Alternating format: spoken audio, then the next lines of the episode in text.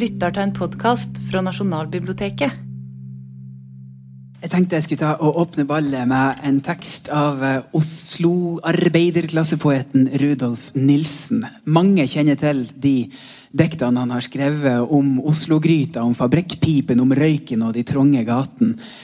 Ikke like mange vet at han også var en ihuga eh, ja, Hva kaller man det? Ferierist. Eh, alle pengene og tida han hadde, brukte han på å reise rundt. Til Sovjet, til ned til kontinentet, til solkysten osv. Og, og han gjorde det selvfølgelig med nattog.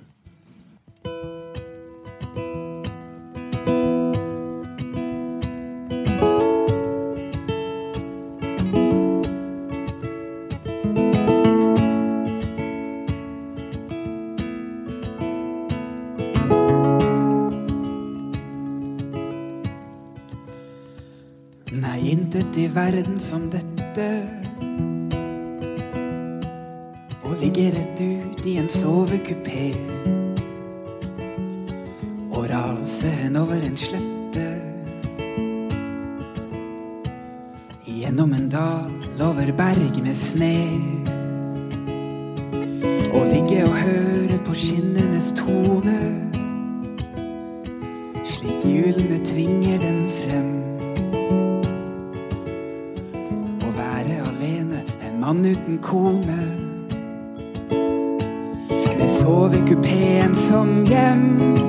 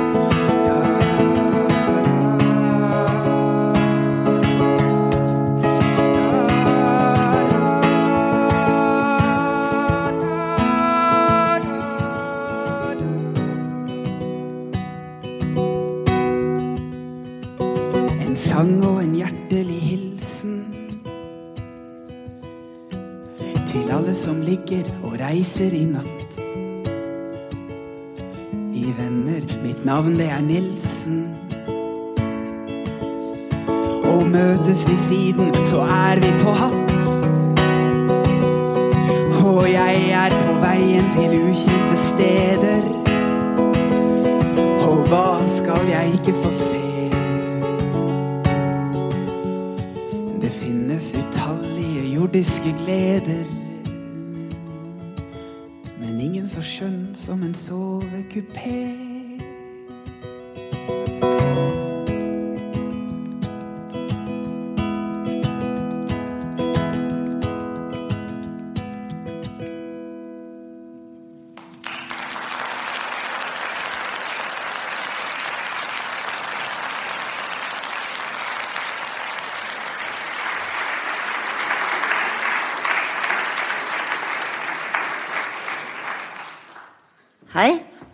Takk til Moddi, og velkommen til denne kvelden på Nasjonalbiblioteket. Hvor vi er så heldige å bli presentert for ti ulike brev, skrevet av noen kjente, andre ukjente, eh, i andre igjen muligens miskjente, fortidige landspersoner, som det vil heter i dag. De spenner over en tidsperiode på knapt 100 år. Det eldste er fra 1830, det yngste fra 1937. Felles for dem alle er at de kan kalles reisebrev. De er sendt hjem til Norge fra de fjerneste steder og under til dels dramatiske omstendigheter, eller beretter om slike. Det første vi skal høre, er skrevet av den brave Camilla Collett, 1813-1895. Hun som skrev den første norske moderne romanen 'Amtmannens døtre', og den første norske kvinnen som brukte termen 'feminist' om seg selv. En svært reisende dame etter at mannen Jonas Collett døde, og hun satte bort barna for ikke selv å bli satt under administrasjon av hans brødre, slik det var vanlig den gangen, for å kunne være så fri som det var mulig for en kvinne den gangen, til å reise og oppleve. Hennes essay fra utallige reiser er svært spennende lesning, og de kan dere finne her på dette huset.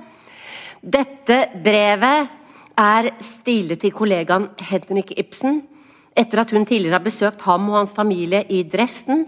Nå er hun i Roma. Det er februar 1872, og Camilla har et økonomisk problem. Camilla Collets brev leses av Selome Emnetu.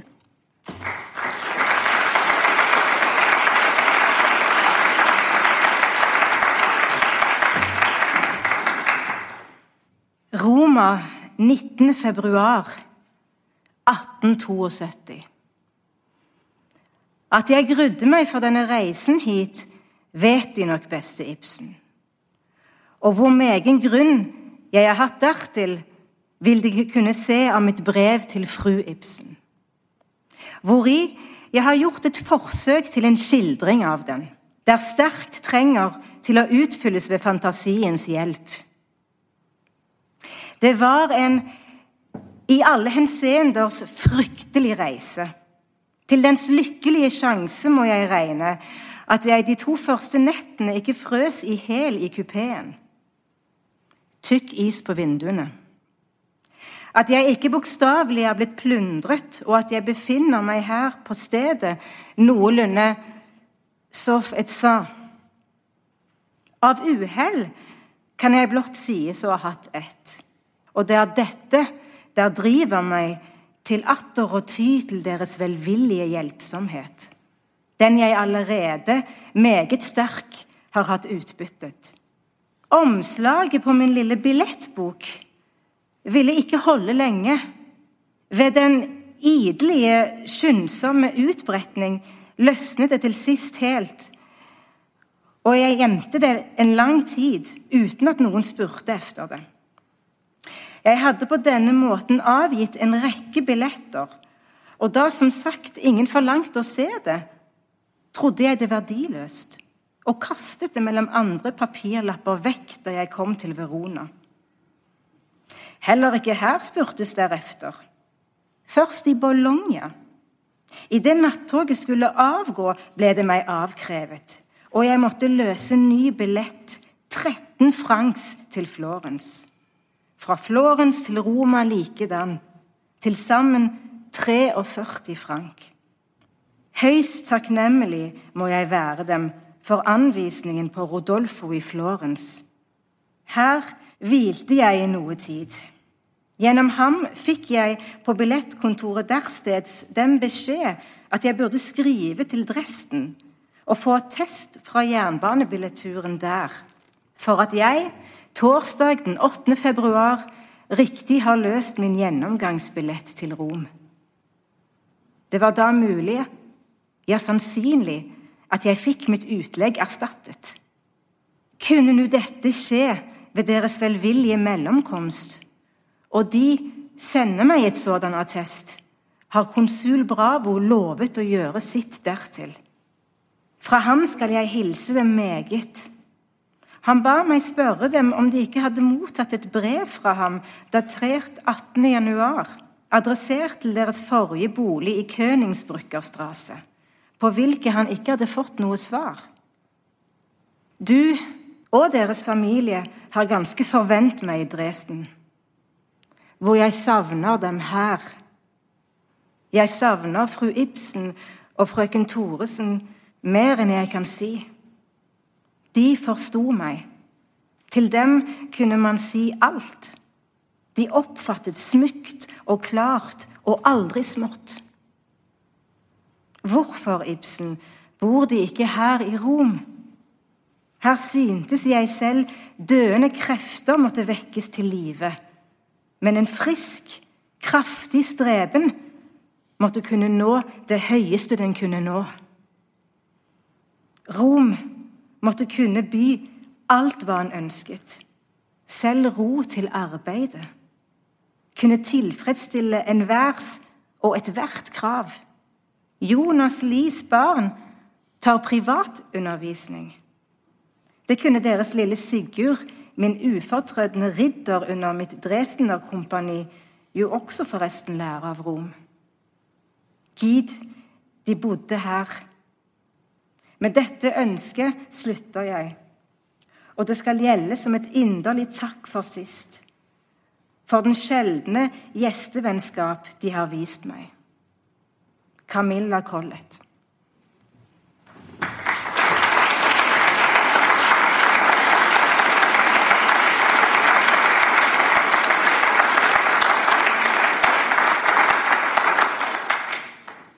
Det neste brevet er signert Ola Apenes, 1898-1943.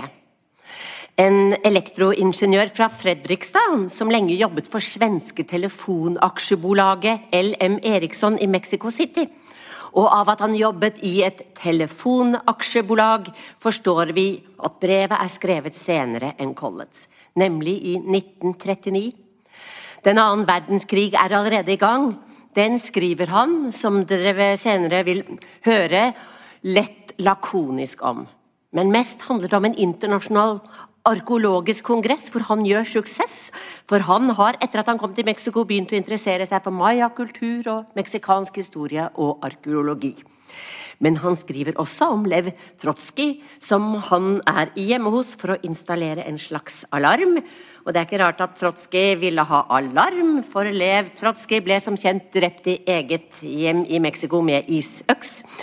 For øvrig etter å ha blitt utvist fra Norge, offisielt fordi han hadde drevet politisk virksomhet, i realiteten etter press fra Sovjet. Men i Norge, hvor han til dels, dette er helt sant, sier ryktene, kamperte i min eldgamle tømmerkoie i Nordmarka. Brevet er skrevet til moren, som han skrev flittig til hele livet. Antagelig derfor den svært fortrolige tonen. PS. Legg merke til brevets siste linje særlig. Mexico, Distrito Federal, 20. oktober 1939. Kjære mor. Krigen har vart i syv uker. Kanskje kommer til å vare like mange år. Det blir i hvert fall lang og kjedelig. Ellers ligner jo stort sett den forrige krig. England og Tyskland i hårene på hverandre om herredømme. De samme gamle grammofonplatene om alt det edle de slåss for.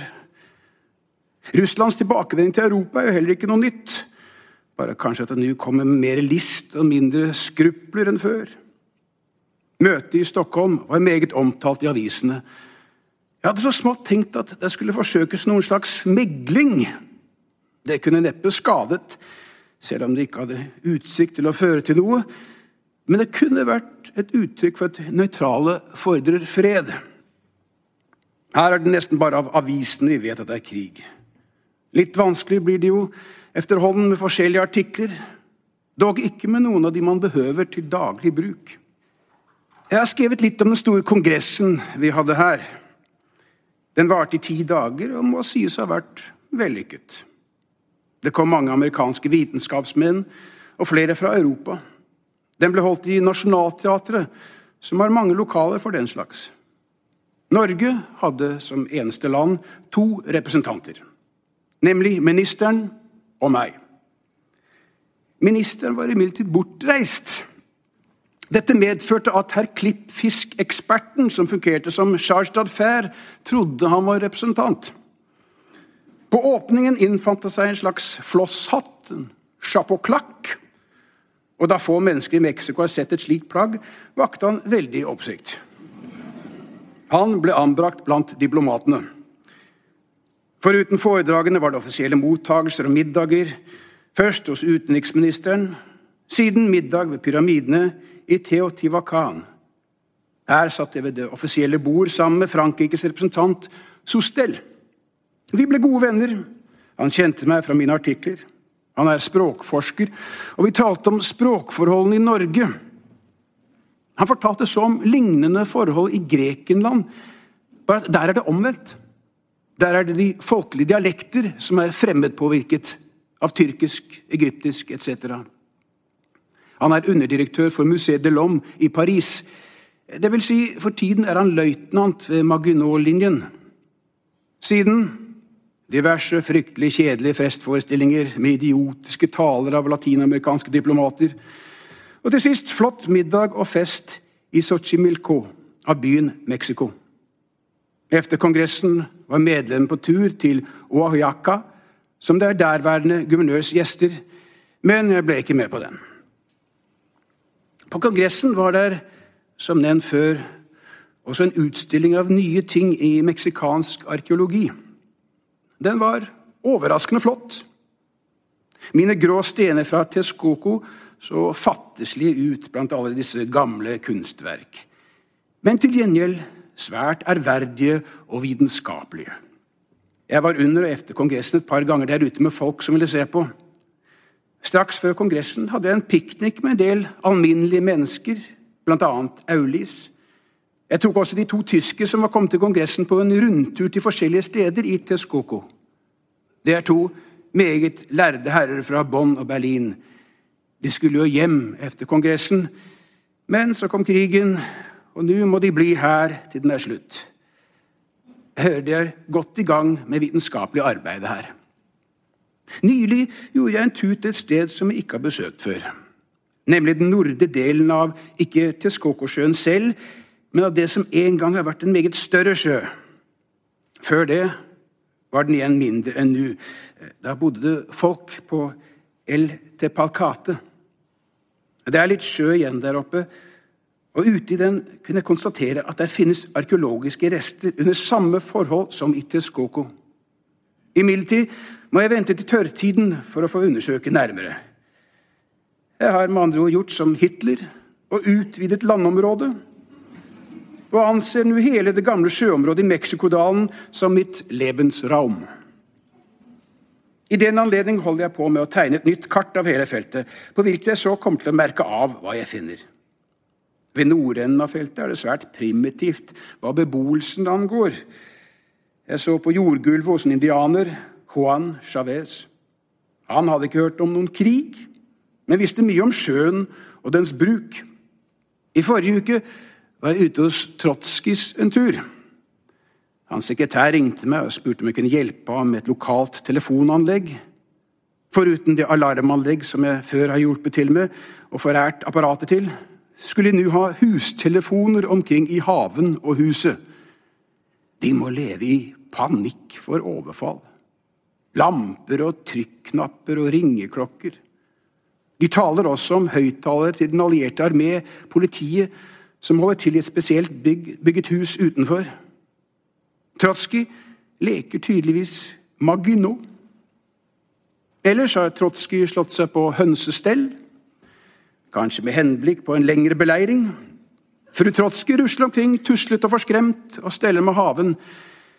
Trotskij er nå omtrent ferdig med sin Stalin-biografi. Den blir nok morsom. Nå er det tid til å gå til byen og få litt mat. Vær så hjertelig hilset alle sammen i Heibergs gate. Har dere flere bilder derfra, så er de velkomne. Hilsen til alle sammen, men mest til deg. Fra Ola.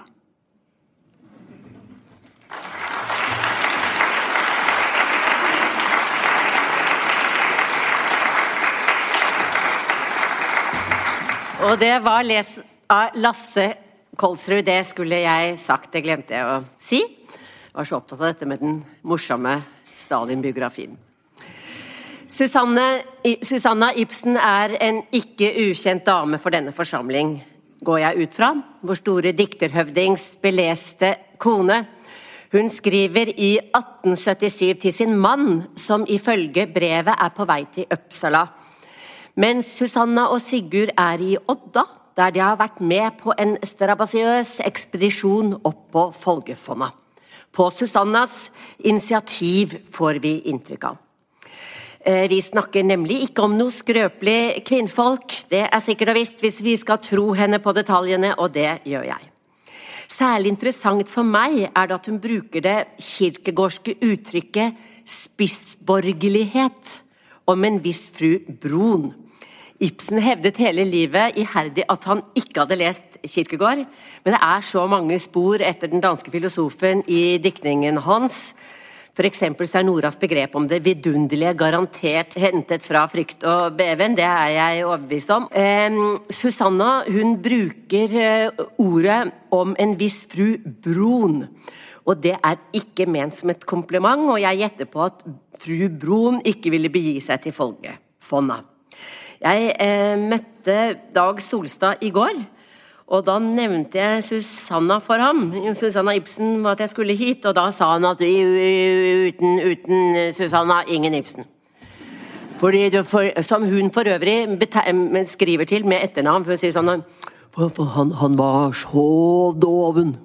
Han var den doveneste av alle norske forfattere. Han var god, men han var veldig doven. Men Susanna hun var det tæl. Hun, hun fikk jo han på, på fote og kom seg på Folgefonna. Og når brevet ikke er ferdig, vi ikke har det ferdig her, så skyldes ikke det Susanna, men det skyldes Nasjonalbiblioteket. Og det skal leses av Gisken Arman.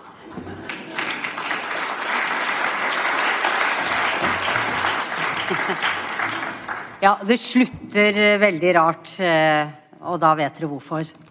Det er rett og slett ikke hele brevet. Men jeg leser det jeg har. Det er altså skrevet 1877, antatt 30. i 8. Kjære Ibsen. Det var godt. Igjennom ditt telegram å høre at du hadde det godt.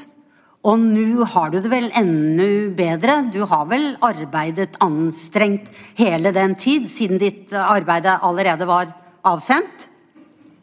Ah, det er ondt at jeg ikke så snart får ditt brev, men jeg sender nå våre brev til Uppsala, hvor du vel får det. Min ukes opphold i Bergen eh, gikk da som en drøm, eh, og jeg representerte meg med stor verdighet.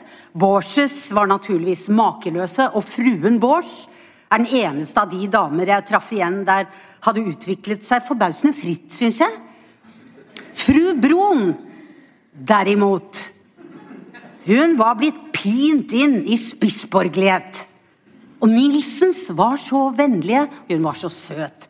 Og der er vi budene når vi kommer igjen. Ellers så, Vi kommer jo ikke til halvparten av, av dem som vil ha oss tid. Jeg vil naturligvis, for luftens skyld, så lenge som mulig bli i Hardanger. Og ta til Bergen over Voss og gjennom Sognefjorden. Du ville forbauses om du så hvor kraftig Sigurd ser ut, og hvor han vokser. Man lever så utmerket her. Vi har nå, siden vi kom her, hatt laks hver dag. Og hver aften får vi varm, stekt fisk, så du ser vi tar igjen hva vi ikke kan få i München. Sigurd gjorde stor lykke i Bergen, opptrådte som voksne herre, underholdt seg med alle, forbauset dem med sitt norsk. Grønvolls de var så utmerket mot oss at det skal jeg ikke glemme dem. På Odda er vi blitt så lenge til jeg ventet stadig på at været skulle klarne, så jeg kunne gjøre min store tur til Folgefonden. Skjønt man i Bergen sa jeg ikke kunne tenke på det, men det lokket meg hver dag mer, og i går fullførte vi dette. Men på det på en måte som du nå skal få høre. Vi tok med en pålitelig fører fem om morgenen fra Odda. Først gikk vi over et vann, og da så været godt ut, og vi hadde godt håp. Men etter to timers bratt stigning formørket allerede himmelen seg, og de sorte skyer hang så tunge. Ja, hva skulle vi gjøre? Vi trøstet oss med at det kanskje var en byge. Men eh, innen en time var vi så våte at vi ei kunne bli verre, og vi skred oppad, over stokk og sten. Etter fire timer kom vi da opp i sneregionen, og hva der holdt oss oppe, var rom som varmet oss. Vi kom nå opp på fonden i de uendelige snemarker. Og vi vandret der i to timer i snestorm. Tenk, mitt hår var ganske stivt av is og sne, og førerens skjegg hang fullt av istapper. Sigurd sa 'hva ville pappa si' om han så oss her? Ja, men vi var virkelig som nedsnedde ryper. Men vi vant fram til høyden, og midt i stormen og snekavet og tåkemassene som veltet seg frem, frembød en fryktelig skjønnhet. Som aldri vil gå meg av minne. Ja, Men det er umulig å tenke seg når man ikke har opplevd det. Gudskjelov at vi hadde en så dyktig fører. Men det uendelige snehav, hvor alt liv var som utdødd, var for mektig. Nedstigningen, som varte i fire timer i øsende regn og storm, ikke en eneste seter hvor vi kunne få noe varme, var som du kan tenke deg anstrengende. Og til slutt kunne jeg nesten ikke hoppe over stenene mer, men lot meg gli.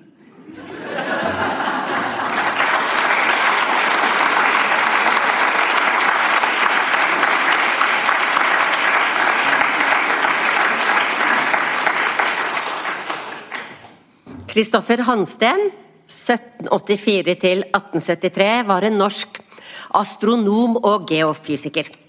I slutten av 1820-åra lette han etter en magnetisk nordpol i Sibir. Han hadde nemlig en teori om at kloden hadde fire magnetiske poler, og en teori som hadde gjort ham til en stjerne på datidens forskerhimmel. Selv styresmaktene ble helt startstruck, eh, sies det av denne astronomen og hans spesielle målinger, at han fikk all verdens eh, bevilgninger, slik at han på statens og staters regning kunne reise med sine assistenter gjennom Sibir og helt til Kina, hvor han dessverre ikke fant noen pol. Hele veien skriver han jevnlig til sin kone, men dette brevet er særlig interessant fordi det er skrevet i Orenburg på vei hjem fra den mislykkede magnetiske polekspedisjonen. Det er en julehilsen. Den er skrevet lille julaften, som dere vil høre. Men det Hansten ikke ser ut til å forstå, er at den andre koleraepidemien på dette tidspunkt hadde nådd Europa. Hadde han visst dette, hadde han nok ikke skrevet så rolig. Innen nyttår, altså dette er skrevet lille julaften, innen nyttår var nesten 1000 dødsfall rapportert i Odenburg. Men det var bare allikevel forvarselen til den katastrofen som ventet. Hansten skriver altså fra akkurat det stedet, på akkurat det tidspunktet da helvete bryter løs. Og koleraen har helt fysisk satt sitt spor i Hansteins julebrev. Brevpapiret er hullet igjennom, for man hadde en idé om at koleraen smittet gjennom berøring av infiserte gjenstander, og da brev var å bli betraktet som smittebærere, ble de gjennomstukket med syl og andre redskaper. og deretter eksponert for røyk fra ulike kjemikalier. Og Pga. dette kolerautbruddet så var da Hansten Dessuten da innestengt i Orenburg i flere uker før han fikk lov til å reise. Kristoffer Hansteens brev leses av Øystein Røger.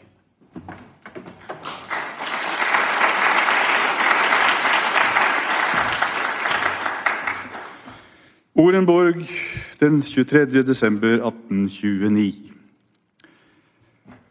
Du har meg her fortsatt, min søte Hanna.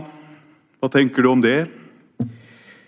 Sperringen omkring byen er over, alle husene er røyket ut, enhver kan fritt reise hvor han vil, og likevel er vi ikke kommet videre.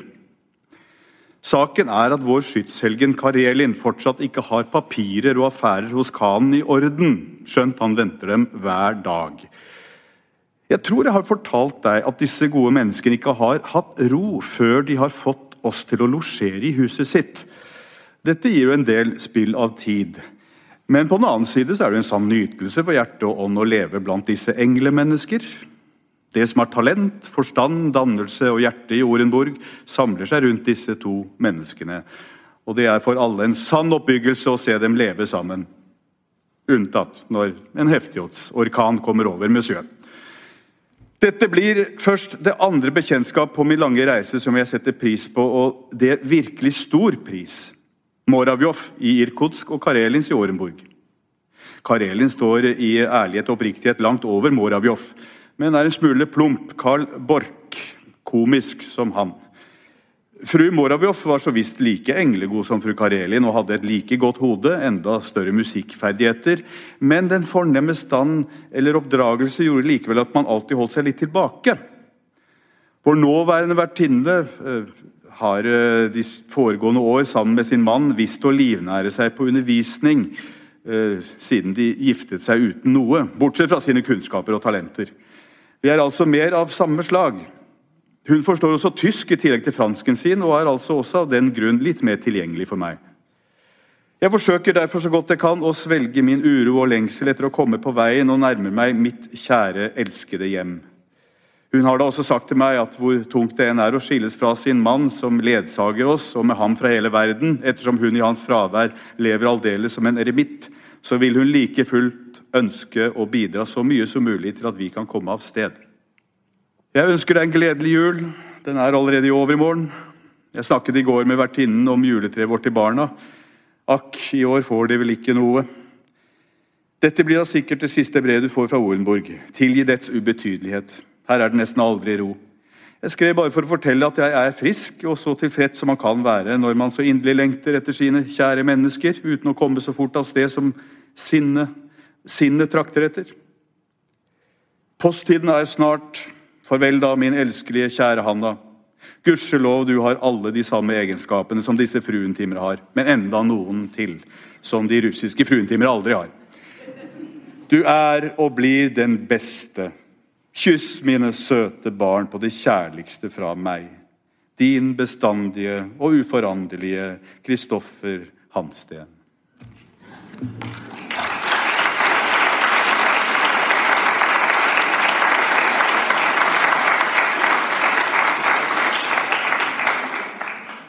Også det neste brevet vekker mange spørsmål. Da Roald Amundsen ankom Sydpolen 14.12.1911, skrev han et brev stilet til kong Haakon den syvende for å dokumentere at det norske flagget ble heist på Polen. Men brevet ble lagt igjen i teltet Polheim, som den norske ekspedisjonen etterlot der. En måned etter ankom Scott og hans menn og på Amundsens oppfordring tok de brevet med seg. Hm. Hvorfor, og det er jo underlig. Hvorfor tok ikke Amundsen selv brevet med seg? Da ville det jo kommet fram mye før, for Scott og hans menn kom som kjent ikke tilbake i live. Brevet ble funnet i den siste leiren deres i november 1912, og deretter overlevert kong Haakon. Ville Amundsen være slem og gi Scott et pek? Ha-ha, jeg kom først. Kan ikke du ta brevet som beviser at jeg vant med til den norske kongen? Nå vel, svar på dette finnes ikke, men brevet er uansett et viktig og symboltungt dokument i norsk historie.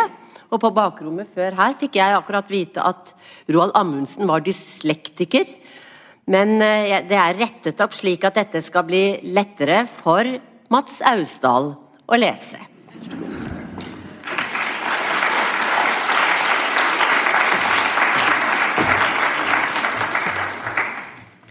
Fram-ekspedisjonen 15.12.1911. Deres Majestet, hermed tillater jeg meg å meddele at fem mann fra Fram-ekspedisjonen meg selv iberegnet, ankom her til Sydpolområdet ifølge observasjon 89 grader, 57 minutter og 30 sekunder sydlig bredde i går, den 14. desember, efter en vellykket sledetur fra vårt vinterkvarter Framheim. Vi forlot dette den 20. oktober med fire sleder, 52 hunder og proviant for fire måneder. Vi har på vår vei den store Ross Barriers uttrekk mot syd, ca. 86 grader sydlig bredde, samt kong Edvard den syvendes land og Victorias lands sammenslutning på samme sted. Victorias land opphører her, Men kong Edvards land fortsetter i sydvestlig retning inntil 87 grader sydlig bredde, med en mektig fjellkjede med topper inntil 22 000 fot over havet. Disse sammenstøtende fjellkjeder har jeg tillatt meg å kalle, som jeg håper med tillatelse, Dronning Mauds kjeder. Det store innlandsplatå fant vi på ca. 88 grader sydlig bredde, og gå over i en helt flat høyslette som atter, ved 89 grader sydlig bredde, ganske svakt begynte å skråne ned mot den annen side. Slettens høyde over havet er ca. 10 750 fot. Vi har i dag, med en radius på åtte kvadratmeter, innsirklet den geografiske Sydpol, heist det norske flagg og kalt den svakt skrånende slette hvorpå det har lyktes oss å bestemme den geografiske Sydpols beliggenhet for kong Haakon den syvendes vidde, med, som jeg håper, Deres Majestets tillatelse. Vi begynner tilbakereisen i morgen med to sleder, 16 hunder og vel utstyrt med proviant. I ærbødighet Roald Amundsen.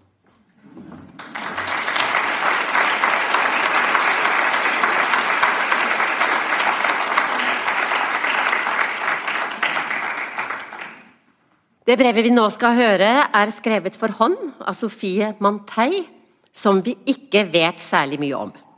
Bortsett fra at hun var venninne med Maren Sars, som brevet er stilet til. Men hun vet vi, Maren Sars til gjengjeld, at var gift med den ikke ukjente Welhaven.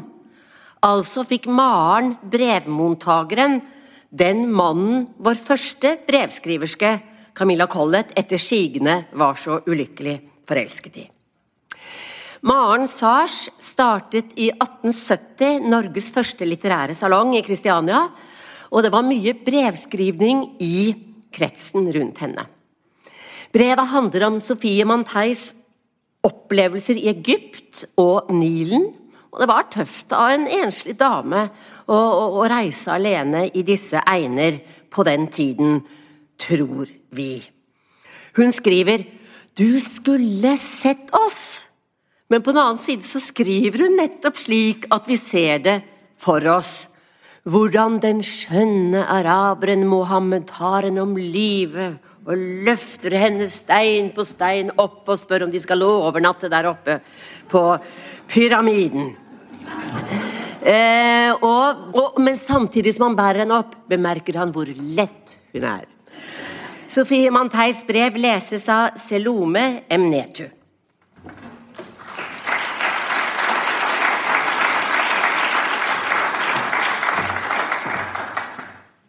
Nilen, 22.01.96.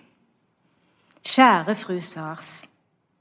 Skrev jeg sist til dem at livet her i Egyptens land var en praktfull drøm, så er det ikke siden blitt mer likt virkeligheten. I det storartede Gezira-palasset tilbrakte jeg nesten tre uker. Livet ble meg litt for materielt mellom de selskapssyke mennesker, englenderne, som kun kommer her ned for å pynte seg og gå på ball. Julaften var nesten alle på ball. Juledag ble feiret med at spisesalenes vegger dekkedes med palmeblader og på spisebordene lå tepper av lyserøde roser. Litt efter nyttår flyttet vi ut til Mena House Hotel, like ved pyramidene. Der ute ble jeg først helt varm for Egypten. Fortidsminner og natur smeltet sammen til noe eiendommelig stort og betagende. Du skulle sett oss første gang vi gikk hen til pyramidene. Hvordan vi ble kringsatt av arabere som ville tjene oss opp på alle mulige måter. Føre oss opp på pyramidene, til sfinksen, bringe oss esler, kameler osv. En meget skjønn araber som het Mohammed, gikk på grunn av sitt innsmigende vesen av med seieren og ble vår faste fører under vårt opphold i Mena House. Han førte oss først hen til Sfinksen, som tross sitt litt medtatte ytre har noen fornem verdighet over seg. Hun ser med overlegent smil ned på alle de små reisende som samler seg ved hennes fot. Pyramiden var meget for imponerende og mektig til at jeg første dag kunne annet enn å beundre den nedenfra jorden. Så høyfornemme kongelige personer må man ikke straks gå for nært på livet. Pyramidene ligger i ørkengrensen. Jeg hadde aldri gjort meg idé om at ørkennaturen var så skjønn. Siste dag vi var ved pyramidene, hadde vi en flere timers ridetur ute i ørkenen. Og denne tur vil ubetinget bli en av mine skjønneste minner fra Egypten. Det var en strålende, varm solskinnsdag. Jeg hadde en utmerket kamel som jeg kunne styre selv. Og jeg syntes jeg kunne ridd der ute over sletter og høyder den hele dag. Ørkenen minner om fjellvidden hjemme. Samme storhet og ensomhet. En natur for hvilken man i ånden kneler.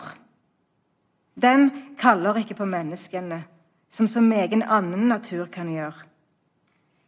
Men har man vært der én gang, beholder man, den, beholder man et dypt uutslettelig minne om den. Den har rørt ved noe dypest inni en. Efter denne vidunderlige formiddag gikk jeg om ettermiddagen opp på den store pyramide. Det er en komisk oppstigning. To arabere bak meg, én i hver hånd, og min, min, venn Mohammed gikk bak og tok meg av og til med et kraftig tak om livet og løftet meg opp når stenene var for meget høye. Jeg hadde fornemmelsen av å lempes opp som en annen vareballe. Men det hindret ikke araberne i å si en skjønn kompliment om ens letthet. På pyramidenes tak var godt og skjønt å være. Rett ned for ens fot de mange gamle graver. Noen åpnet og undersøkt, andre ennå lukkede. Bortenfor dem ørkenen, endeløs. Vekslende sletter og høyder, og med en egyptisk solnedgangs farveprakt over seg.